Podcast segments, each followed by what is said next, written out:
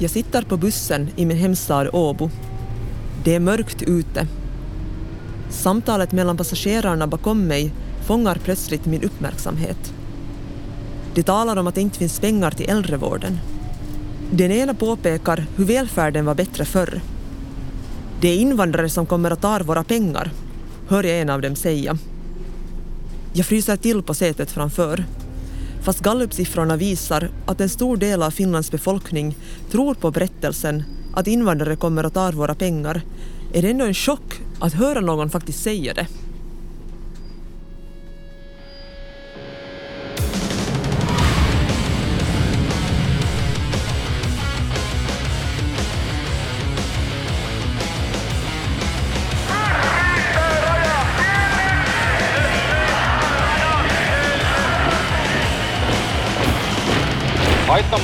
Haittamaahanmuutto on kasvava musta aukko julkisessa taloudessa. Donald J. Trump is calling for a total and complete shutdown of Muslims entering the United States. Tuli iso jytty! Du lyssnar på en radioessä om den tysk-judiska politiska tänkaren Hanna Arendt och hur vi kan förstå den växande fascismen och högernationalismen idag i ljuset av hennes tänkande. Jag heter Emma Strömberg.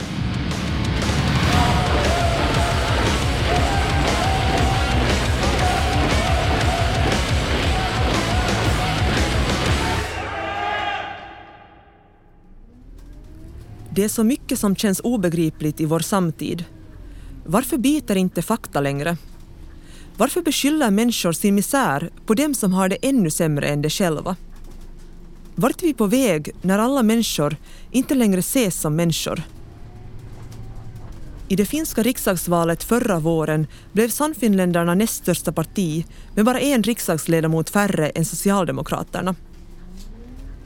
Sedan dess har Finland och världen skakats av coronaepidemin och stödet för Sannfinländarna har sjunkit en aning.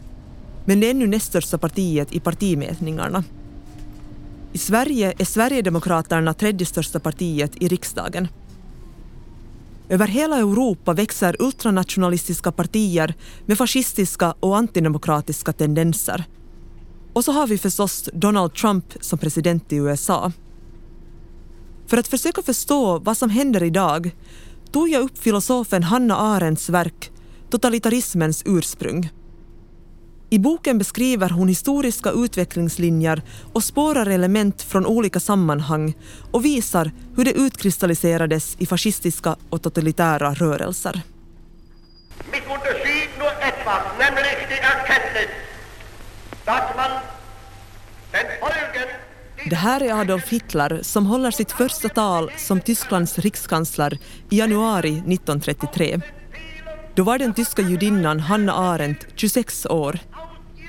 Fyra år tidigare hade hon doktorerat i filosofi med en avhandling om kyrkofadern Augustinus kärleksbegrepp.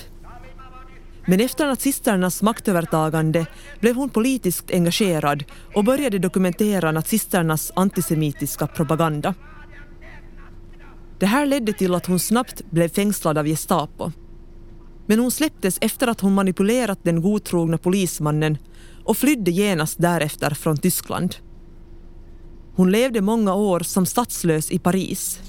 Där fortsatte hon engagera sig politiskt och hjälpte judiska barn att ta sig till Palestina.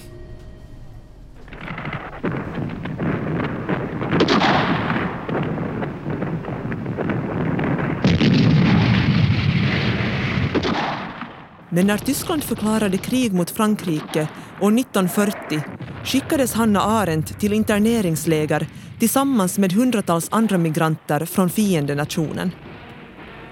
Arendt separerades från sin nya kärlek Heinrich Blücher som sattes i ett läger för män. Men som av en ödes lyckosamma nyck stötte de på varandra i den franska staden Montauban efter att Frankrike släppt ut alla migranter från interneringslägren efter kapitulationen mot Tyskland. Statslösa försökte ta sig till områden som ännu inte var ockuperade av Tyskland, till fots och på cykel. De levde i ständig osäkerhet och rädsla. Men ödet var än en gång på parets sida när de lyckades få visum till USA. Ett fartyg från Lissabon tog den till New York år 1941. Men den första tiden i det nya hemlandet tyngdes av rapporterna om de fasansfulla likfabrikerna i Europa. Das Entscheidende ist der Tag gewesen, an dem wir von Auschwitz erfuhren. Das war 1943 und erst haben wir es nicht geglaubt. Eh, Först trodde vi inte på det. Fast min man alltid sa att vi kan förvänta oss vad som helst av nazisterna. Men det här kunde vi inte tro på, för det var militärstrategiskt onödigt och obefogat. Min man hade varit lite av en militärhistoriker och han visste en del om såna här saker. Han sa, lyssna inte på dessa sagor, de skulle inte kunna göra det. Ett halvt år senare, när det var bevisat för oss, trodde vi till slut på det. Det här borde aldrig ha fått hända. Och det som hänt var något som ingen av oss kunde försonas med. Så sade Hanna Arendt i en tv-intervju med Günter Gauss år 1964. Arendt lät sig inte paralyseras och medan resten av världen ännu vände bort blicken började hon undersöka och analysera hur fascismen kunde växa fram. Ju längre jag läste i Arendts 600 sidor långa bok Totalitarismens ursprung, desto mer kunde jag höra historien eka i vår tid.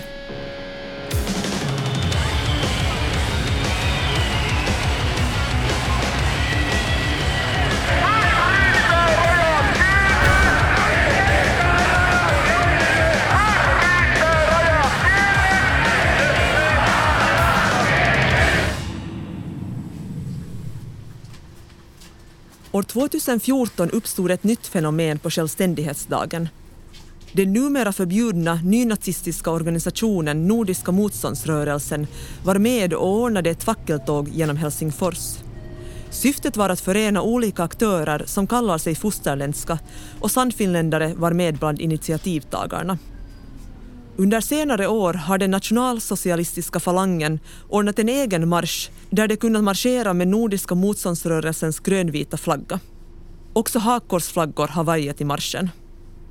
I vårt södra grannland Estland sitter ett ultranationalistiskt parti i regeringen.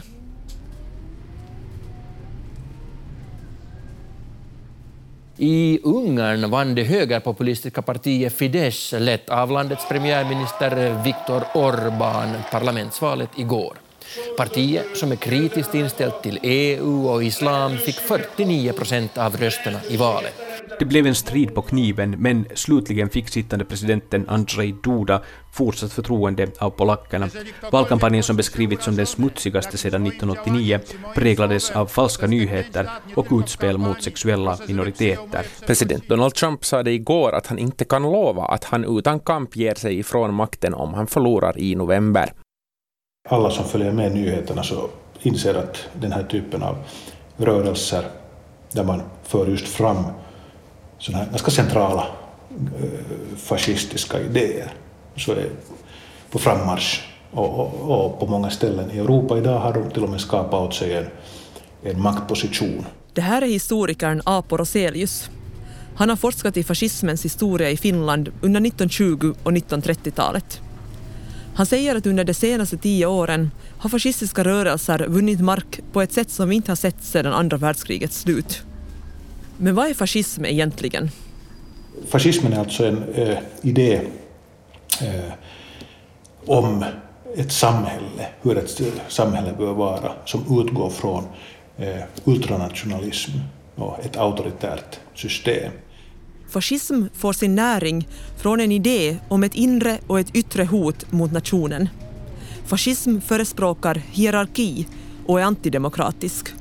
Jämlikhet och lika rättigheter ryms inte med i den här samhälls och människosynen.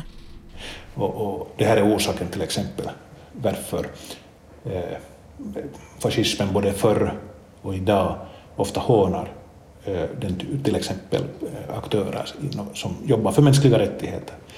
Eh, för att det, det är en klart en, en, en, på ett sätt ett hot mot deras idévärld. Hanna Arendt hade nyligen avslutat sina studier i Heidelberg i Tyskland när börsen i New York kraschade år 1929. Den efterföljande ekonomiska depressionen slog hårt också mot Tysklands ekonomi. Efter några år av ekonomisk stabilitet blev miljontals människor arbetslösa och bitterheten mot de hårda villkoren i Versaillesfreden efter andra världskriget växte igen. I detta läge var det ett parti vars budskap om förändring började tilltala de breda massorna. Det handlade om ekonomiskt uppsving för Tyskland, om att återupprätta tyska kulturella värderingar och om att träda ut ur den förödmjukande Versaillesfreden. Nationalsocialistiska arbetarpartiet hade under hela 1920-talet bara haft några procent av rösterna. Men i valet år 1930, ett halvt år efter börskraschen, blev nazisterna Tysklands näst största parti.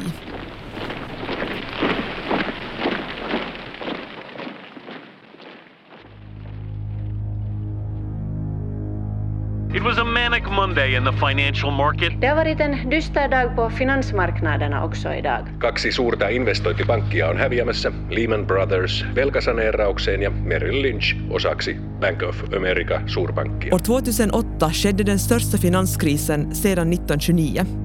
Banker i USA hade delat ut osäkra bostadslån och dessa dåliga lån hade sedan ompaketerats i komplicerade finansiella instrument och sålts vidare över hela världen. När bostadsbubblan sprack satt investerare och banker på dessa giftiga lån och finanskrisen spred sig snabbt till resten av världen.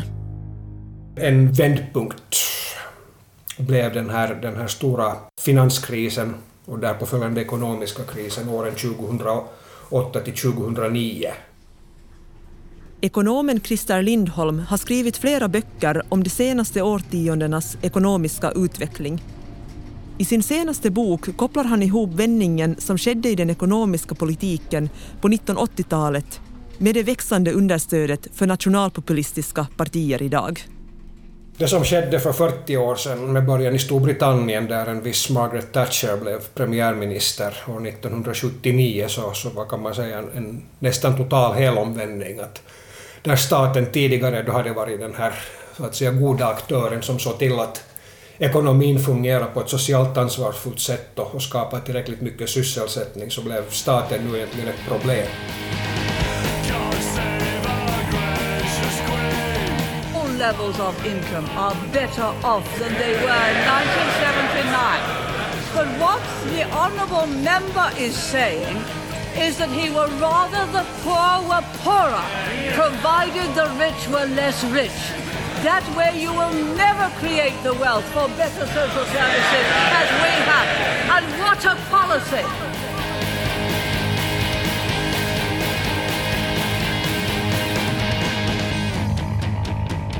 Men efter några efterkrigstida årtionden med statlig styrning av ekonomin och minskade inkomstklyftor ändrade västerländska demokratier kurs med modell av Storbritanniens premiärminister, järnladyn Margaret Thatcher.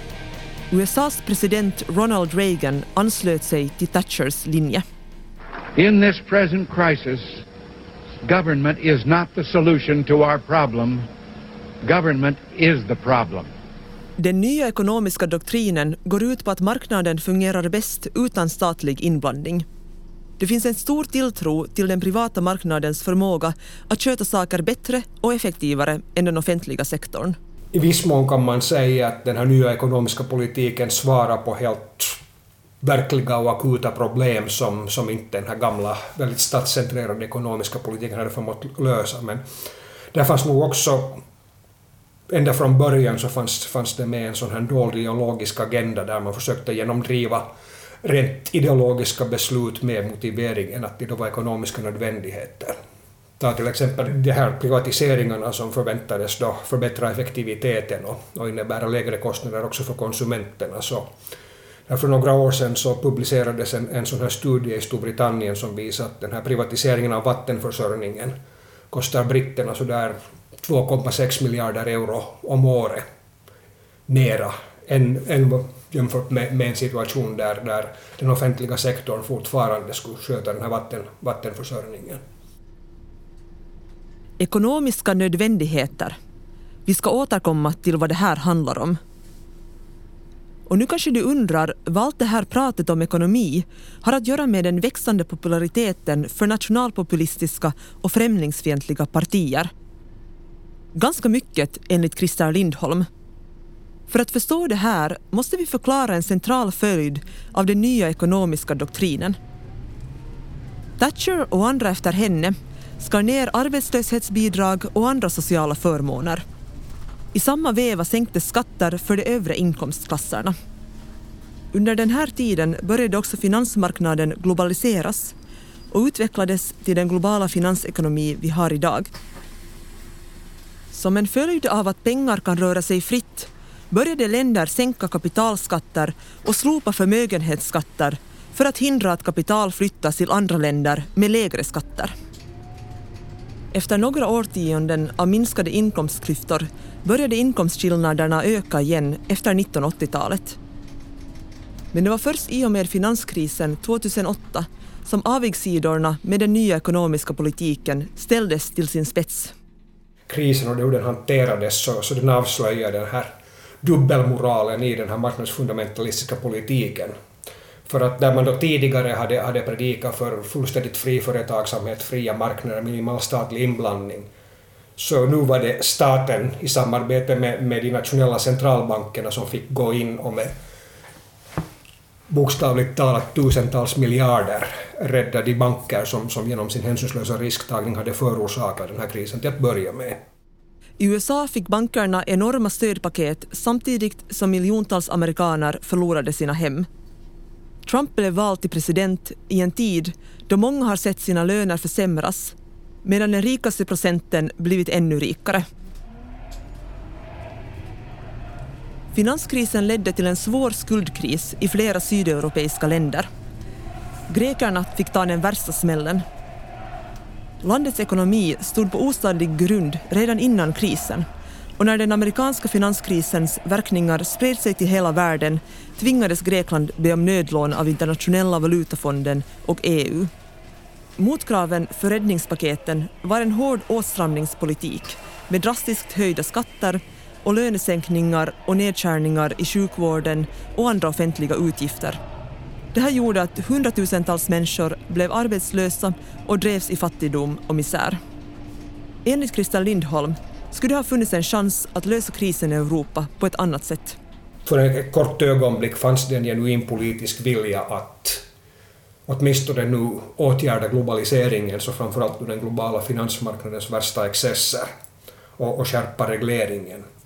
Men trots att det fanns vissa politiska ambitioner då det där, så, så började den här processen ganska snabbt urvattnas, framförallt på grund av att, att storbankerna och, och, och andra finansmarknadsaktörer satt, satt, motsatte sig det här väldigt kraftigt och det där lyckades också lobba väldigt väl för sina synpunkter. Så det där, sist och slutligen så gick det lite som i den här gamla sagan om Mäster Skräddare, att det som ursprungligen skulle blivit en rock så blev först, först ett par byxor och sen en väst och sen ett par vantar och till sist blev det ingenting.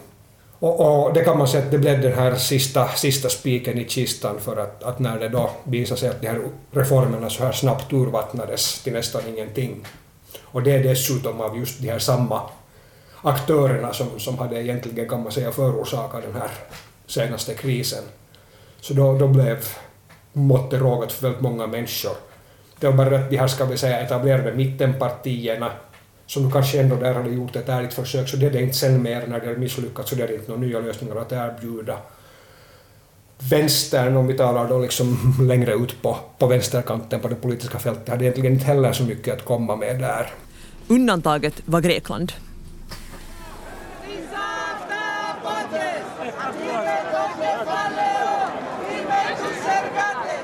Den nynazistiska rörelsen Gyllene gryning skakade om den grekiska politiken när partiet kom in i parlamentet år 2012 med budskapet att det grekiska folket hade blivit förrått och förödmjukat och att det skulle ta Grekland tillbaka till grekerna.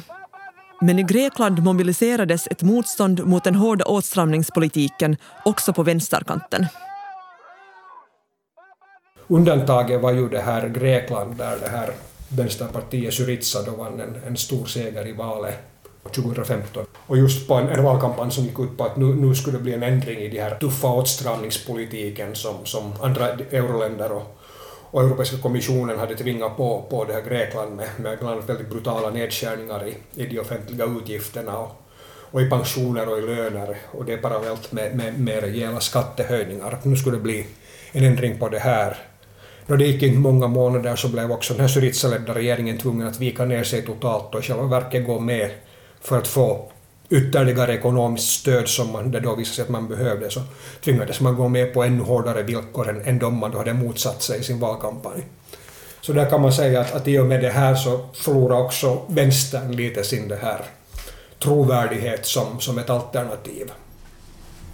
När varken vänstern eller högern kunde erbjuda ett alternativ till den politik som skapar ekonomisk utslagning, ja, vem ska folk då rösta på för att få en förändring? Och då fanns det egentligen bara e, e, en, en kanal för det här, det här allt större missnöje med den här rådande ekonomiska politiken och det var just den här högerpopulismen som erbjöd diverse sådana här till synes enkla och tilltalande men, men i själva verket tvivelaktiga och i vissa fall direkt farliga lösningar. Det var ju visst Hanna Arendt som sa att det krävs två saker för att fascismen ska triumfera. Det är missnöjda massor och populism. Och under det för, förra decenniet fick vi se mer än nog av båda dera.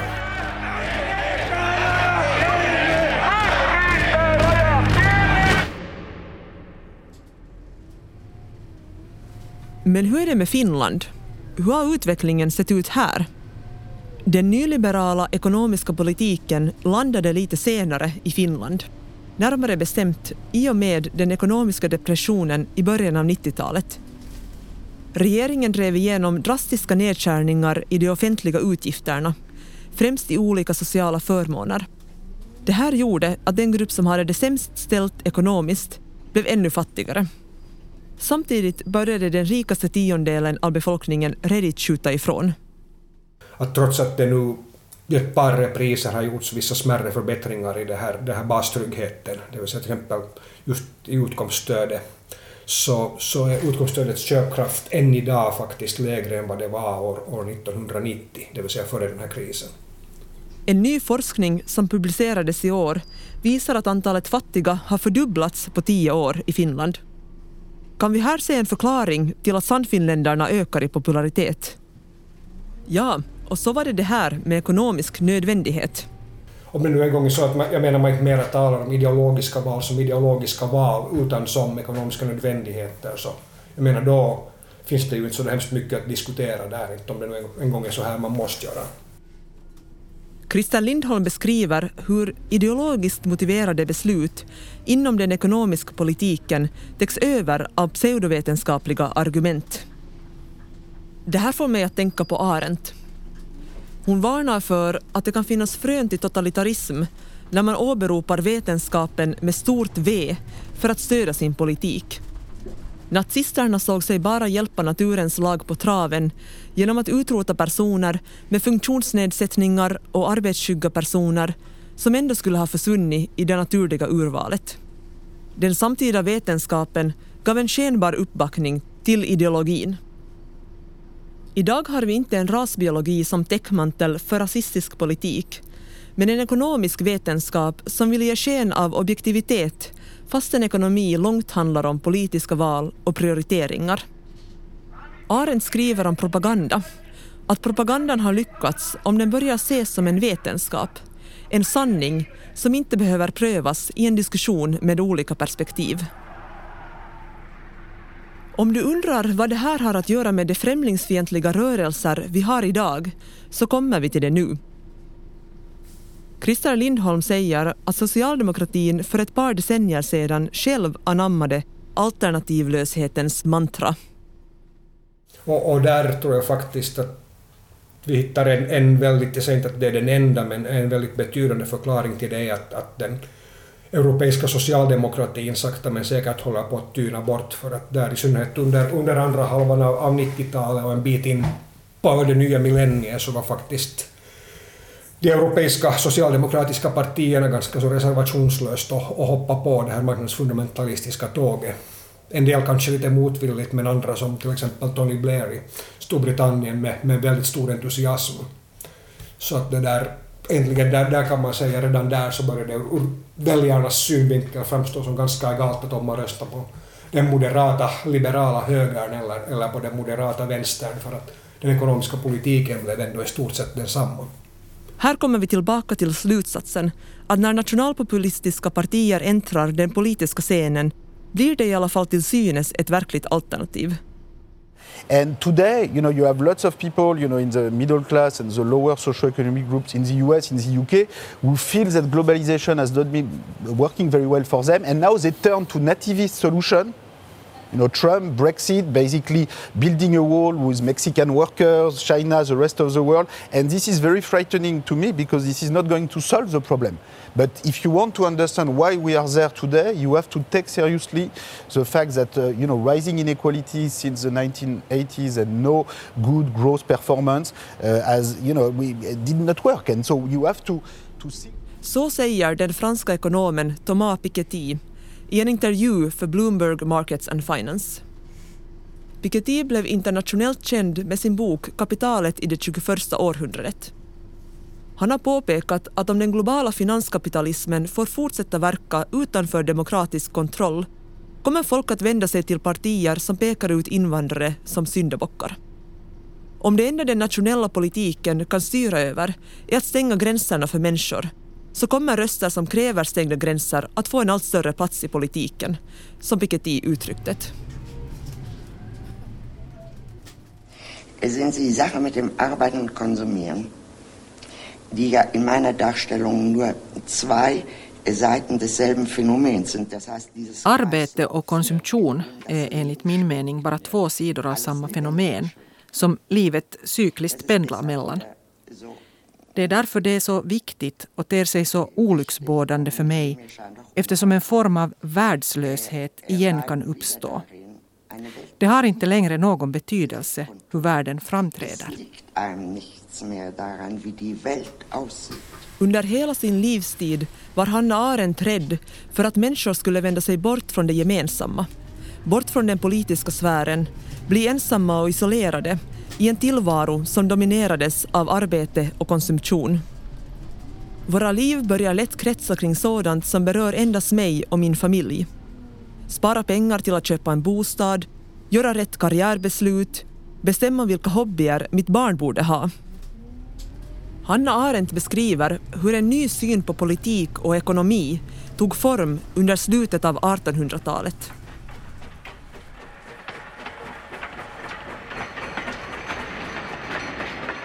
Hennes analys tar sin början i Storbritannien där industrialiseringen hade stöpt om hela samhället. Fabrikerna kunde producera varor effektivare och billigare och pengar kunde investeras i fabrikerna och generera ännu mera pengar. Den nya möjligheten till kapitalackumulation gjorde att borgarklassen, de som tidigare hade varit hantverkare och handelsmän i städerna, blev rikare och i takt med att deras ekonomiska makt växte ville de också ha mera inflytande över politiken. Arendt skriver att borgarklassen började engagera sig politiskt när de insåg att de behöver politisk uppbackning för att säkerställa fortsatt kapitalackumulation. När de sen äntrade den politiska scenen omformade de det samhälleligt goda till att betyda summan av alla enskilda individers privata ekonomiska intressen. Under den här tiden formades ganska långt den syn vi har på ekonomi och samhälle idag. Vi är i första hand privatpersoner och inte medborgare i en politisk gemenskap. Men enligt Arendt har det här ödesdigra följder för vår relation till andra människor. När den offentliga sfären, där vi kan mötas och diskutera gemensamma angelägenheter som går ut över min egen nytta, när den får allt mindre utrymme i våra liv förlorar vi också en känsla av gemenskap med andra människor. Vi förstår kanske inte längre att vi är förbundna med varandra. Senast klimatkrisen och förstås coronaviruset har ändå visat hur vi är beroende av andra för vår överlevnad. Så här skriver Arendt. Eftersom individen inte är delaktig i offentliga angelägenheter som berör alla medborgare förlorar han sin rättmätiga plats i samhället och sina naturliga förbindelser med sina medmänniskor. Han kan nu bara bedöma sitt individuella, privata liv genom att jämföra det med andras och hans relation till sina medmänniskor antar formen av konkurrens. Konkurrens. Jämföra sig med andra. Arendt visar hur vi börjar förhålla oss till varandra som konkurrenter. Om Arendt såg en sådan här utveckling i sekelskiftet mellan 1800 och 1900-talet, hur träffande är det inte idag? Vi konkurrerar med varandra om jobben. Ett system med individuella löneförhandlingar gör att vi konkurrerar med våra kollegor om lönen. Vad skulle statusbilens funktion vara om det inte fanns ett behov av att visa sin egen ekonomiska framgång? Att man har lyckats i konkurrensen. Men Arendt stannar inte här. Hon skriver När alla andra naturliga förbindelser mellan människor försvinner blir ras den enda förenande länken mellan människor. Jag börjar tänka på en debatt som blossade upp för några år sedan när den samlingspartistiska riksdagsledamoten Pia Kauman förundrade sig över att invandrare går med nya barnvagnar när många andra finländare måste köpa begagnat. Kan man tänka sig ett tydligare exempel på att se sina medmänniskor genom en missunnsam jämförande lins? Jag frågade mig i början av essän hur det kan bli så att människor skyller sin egen misär på det som har det sämre ställt än de själva. Jag tror att vi här i alla fall delvis kan hitta ett svar på den frågan. Arendt skriver om hur nazisternas maktövertagande föregicks av social splittring och extrem individualisering. I detta läge blir folk mottagliga för lögner som framställs som sanningar och för hatpropaganda och konspirationsteorier. We had a massive field of people. You saw packed. I looked out. The field was, it looked like a million, a million and a half people. We must hold accountable the nation which unleashed this plague onto the world, China. The Chinese government and the World Health Organization which is virtually controlled by China, falsely declared that there was no evidence of human to human transmission. Den fråga som stötts och blötts efter att Donald Trump vann presidentvalet i USA är hur sanning och fakta verkar ha tappat betydelse. Jag har själv ställt mig frågan otaliga gånger. Hur kan det vara så att ett parti eller en politiker kan, oberoende av påvisad fakta, fortsätter häva ur sig osanningar och folk fortsätter tro på dem. Arendt visar hur ett samhälle kan splittras så mycket att det finns en grogrund för att en fiktion tar verklighetens plats. Den nazistiska propagandans mest verkningsfulla fiktion var historien om en världsomfattande judisk konspiration. Idag hittar nationalpopulistiska och fascistiska partier andra syndabockar som kan beskyllas från allt från låga pensioner till resursbrist i äldreomsorgen. Suomi voi huolehtia omista vähäosaisistaan vain jos se ei haali lisää vähäosaisia maailmalta. För att överhuvudtaget ha möjlighet att reparera all skada som redan är gjord, då är det nödvändigt att asyl och anhöriginvandringen kommer ner till ett absolut minimum. Enkelt uttryckt, det måste vara fler som återvandrar än som invandrar till Sverige. När jag var ganska långt hunnen med den här essän publicerades en intressant forskning som utmanade en del av mina premisser, men som samtidigt bekräftade hur aktuell Arendts samhällsanalys är idag. Tvärt emot vad man tidigare, eller kanske allmänt har tänkt sig, att det endast är låginkomsttagargrupper och uh, arbetslösa och marginaliserade som, som ställer sig fientligt eller kritiskt mot invandring så visar vår studie det att, att, att den, det faktiskt det kraftigaste motståndet var, var i de här, eh, de, den, vad vi kallar för den mest privilegierade gruppen som bestod av unga, unga män med fast position i arbetslivet, höga inkomster, eller i vår studie de högsta inkomsterna. Och äh, psykiska, på många psykiska mätare så mådde de allra bäst det här är socialpsykologen Rasmus Mannerström vid kom i Helsingfors. I hans och hans forskarkollegers studie av hur unga i åldern 18 till 29 placerar sig på en ideologisk skala kom det dels fram till att invandring är den fråga där deltagarna hade de klaraste åsikterna för eller emot och att de som var mest privilegierade var allra mest främlingsfientliga. Forskarens förklaring är att det är de som har mest att förlora på en förändring som allra mest motsätter sig allt som kan hota den rådande ordningen. Den privilegierade gruppen var också emot miljöpolitik, till exempel. Det är intressant. Det är ju egentligen helt logiskt att det inte bara är de som redan upplevt att de förlorat något, utan också de som ännu har mycket att förlora, som ser samhällsförändringar som ett hot. Studien bekräftar också den ändrade politiska kartan där man inte längre kan placera in folk på en endimensionell höger-vänster-skala.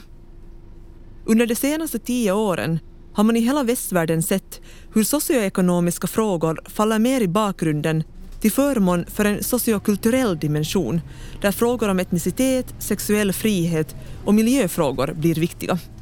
Att det att vi har det här skiftet från, från ekonomisk till, till kulturell ska man också se att det är en viss skifte från kollektiva eh, frågor till mer individualistiska frågor och det hänger ihop med en allmän individualistisk utveckling. Mannerström ger sig på en förklaring till hur det har blivit så här.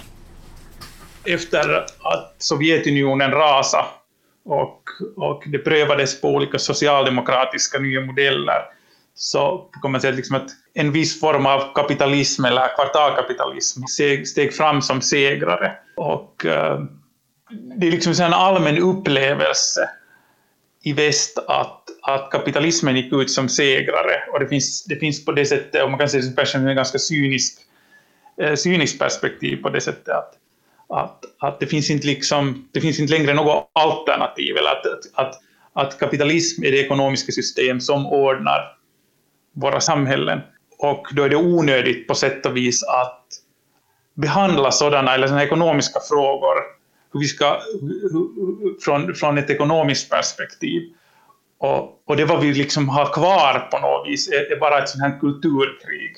Och om vi inte längre kan argumentera om ekonomiska frågor så kan vi istället, det vad vi har kvar är sociala frågor eller sociala värderingar och vilken mån då individerna får uttrycka sig själva. Här är vi igen.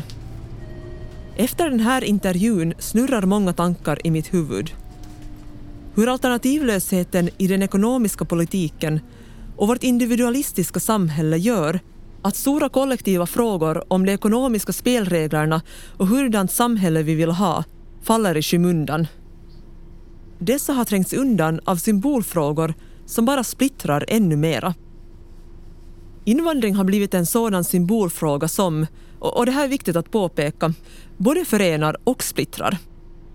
Om vi tänker tillbaka till Arends påpekande att när alla andra förenande länkar mellan människor försvinner blir ras det som kan förena. Så är det intressant att Mannerströms forskning visade att de som röstade på Sannfinländarna var fullständigt delade i ekonomiska frågor. Hur, hur Sannfinländarna också är, liksom, de, de har inte en enhetlig ekonomisk linje. Åtminstone de här anhängarna har inte en, en, en enhetlig ekonomisk linje. Men däremot är de enhetliga just i de här kulturella frågorna. I dokumentären America's Great Divide, From Obama to Trump berättar Trumps strateger att de insåg hur bra potential invandrarfrågor hade för att mobilisera ett brett spektrum av väljare. Och så hittade de på den konkreta grejen med att bygga en mur mot Mexiko.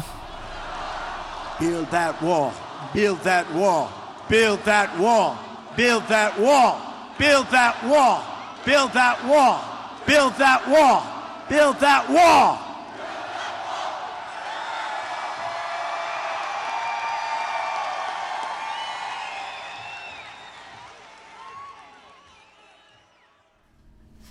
Personerna i bussen som beskyllde den försämrade välfärden på invandrare är inte ensamma.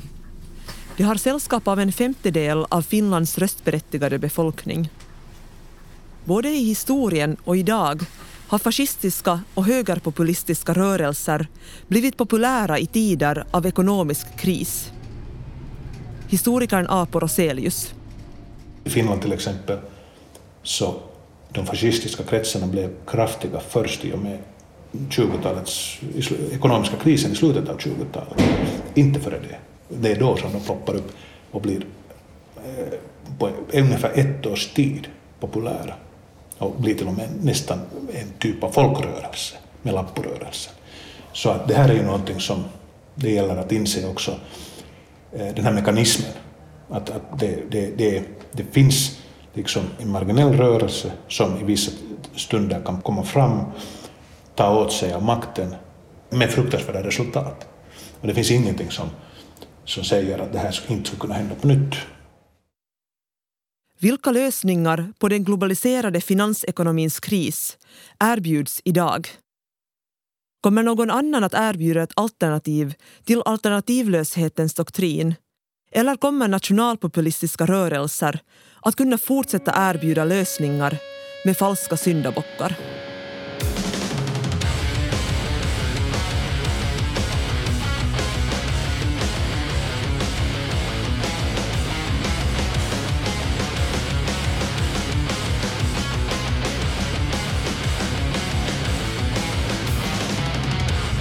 Du har lyssnat på radioessän Varför växer fascismen idag?